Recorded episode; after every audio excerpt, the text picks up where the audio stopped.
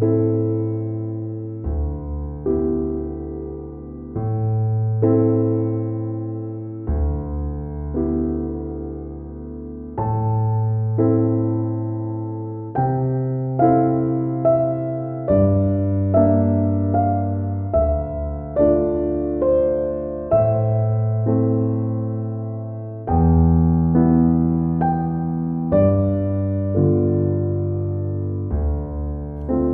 De omgang. Dagelijks. 3 juni.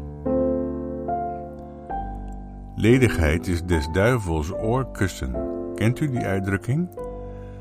Is een geloofsuitspraak. Jawel, want als je weet wat er in het straatje van de duivel past, dan doe je een geloofsuitspraak. Het is wel de bedoeling dat je je tijd nuttig besteedt.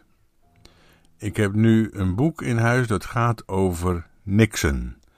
Over het belang van niks doen. Echt helemaal niks. Hoe goed dat voor je is.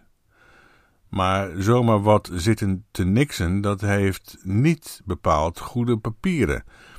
En je merkt dat dat al in de tijd van Jezus het geval was. De mens is er niet voor de Sabbat, maar de Sabbat is er voor de mens, roept hij. Sabbat, Shabbat, betekent letterlijk van ophouden weten. Even niksen. Sabbat is niet dat je iets moet of iets niet mag, maar dat je één dag per week niets hoeft. Onze cultuur heeft echter het idee dat als je niks doet, dat je dan morst of knoeit met je tijd en dat je daardoor kansen laat liggen. Kansen op geluk. Daar is het G-woord waar we zo in verwikkeld zijn. Geluk. We moeten het daar nog vaak over hebben, beste luisteraars. Over dat vreselijke geluk en over de terreur die daarvan uitgaat.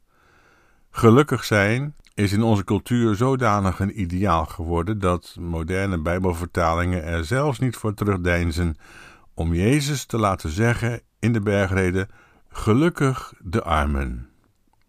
Als het niet zo droevig was, zou je er misschien om moeten lachen alsof Jezus dat ooit zou zeggen. Gelukkig de armen. Er is iets aan de hand met dat geluk, dat be happy, wat Amerikanen jou altijd toeroepen. Of dat anderen have fun, alsof dat het summum van humaniteit zou zijn, waar je als het ware recht op hebt. Je hebt recht op zo nu en dan een flinke portie fun. Zozeer een recht dat je feitelijk van de weeromstuit uh, verplicht bent om gelukkig te zijn. Dat is van de laatste tijd, denk ik. Het is in hoge mate Hollywood, hè, waar alle verhalen eindigen met And they lived happily ever after. Maar Hollywood laat nooit zien hoe het eruit ziet na een jaar of wat, als de sleur eenmaal heeft toegeslagen, of als een van de twee ziek zou zijn of een baan verliest. Bovendien, is geluk dan uitgesloten? Er is iets aan de hand met de manier waarop wij onze kinderen opvoeden. Als ze jong zijn, dan zeggen we tegen hen: Je bent een prins, hè? je bent een prinses. En wat zie je er mooi uit in je prinsessenjurk? Wat ben jij sterk? En wat kun je hard lopen? Doe eens, zie je wel, ik kan je niet inhalen. En als kinderen opgroeien, merken ze dat het niet klopt, dat ze zijn voorgelogen. Ze zijn geen prinsen en prinsessen. En ze zijn niet zo berensterk of kunnen keihard lopen, de meesten niet in elk geval. Maar dan neemt de cultuur het over en blijft hen en ons bestoken met boodschappen elke dag, die zeggen dat je gezond en fit en sterk en dan dus ook gelukkig bent en moet wezen, en als dat niet zo zou zijn, dat dat dan jouw schuld is. Had je maar slimmer moeten investeren. En zie daar, een godsdienstig begrip rolt zomaar over tafel. Schuld. Eigen schuld, dikke bult.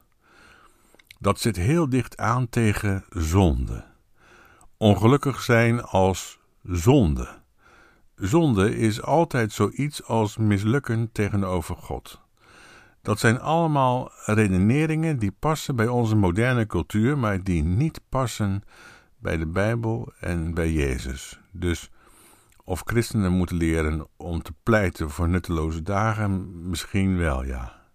Trouwens, of iets nut heeft, dat weet je van tevoren nooit. Kierkegaard zei: Je kunt het leven alleen voorwaarts leven en achterwaarts begrijpen. Misschien. Soms blijken de meest nutteloze dingen achteraf van betekenis.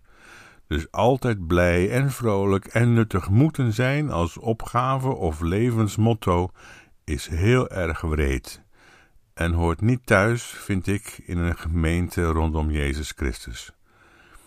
Ik denk dat het leven meer verloopt zoals het bijvoorbeeld met een parel gaat. Hoe gaat dat? Er komt een zandkorreltje in de schelp van een oester terecht. Getver, dat doet verrekte zeer voor die kwetsbare oester. Heeft een zacht karakter en een zachte inborst. En die oester gaat niet naar de bibliotheek om in dikke boeken te kijken waar dat zandkorreltje vandaan kwam en wie het in zijn schelp deed. En die oester kan evenmin vluchten uit zijn schelpje, hij zou niet weten waar naartoe. Dus die oester besluit om er iets mee te doen. Hij besluit om op een bepaalde manier erin te gaan staan, als het ware. Een relatie aan te gaan met dat wat pijn doet. Er een verhouding mee te hebben. Het te omarmen. Dat dat daardoor een parel wordt, weet die oester vooraf niet, maar is achteraf bezien wel het resultaat. Een christelijke gemeenschap zonder schrijnende en pijnlijke zandkorrels, ouwe getver, levert geen parels op. Ook geen parels in Gods hand. Bedankt voor het luisteren. Tot morgen.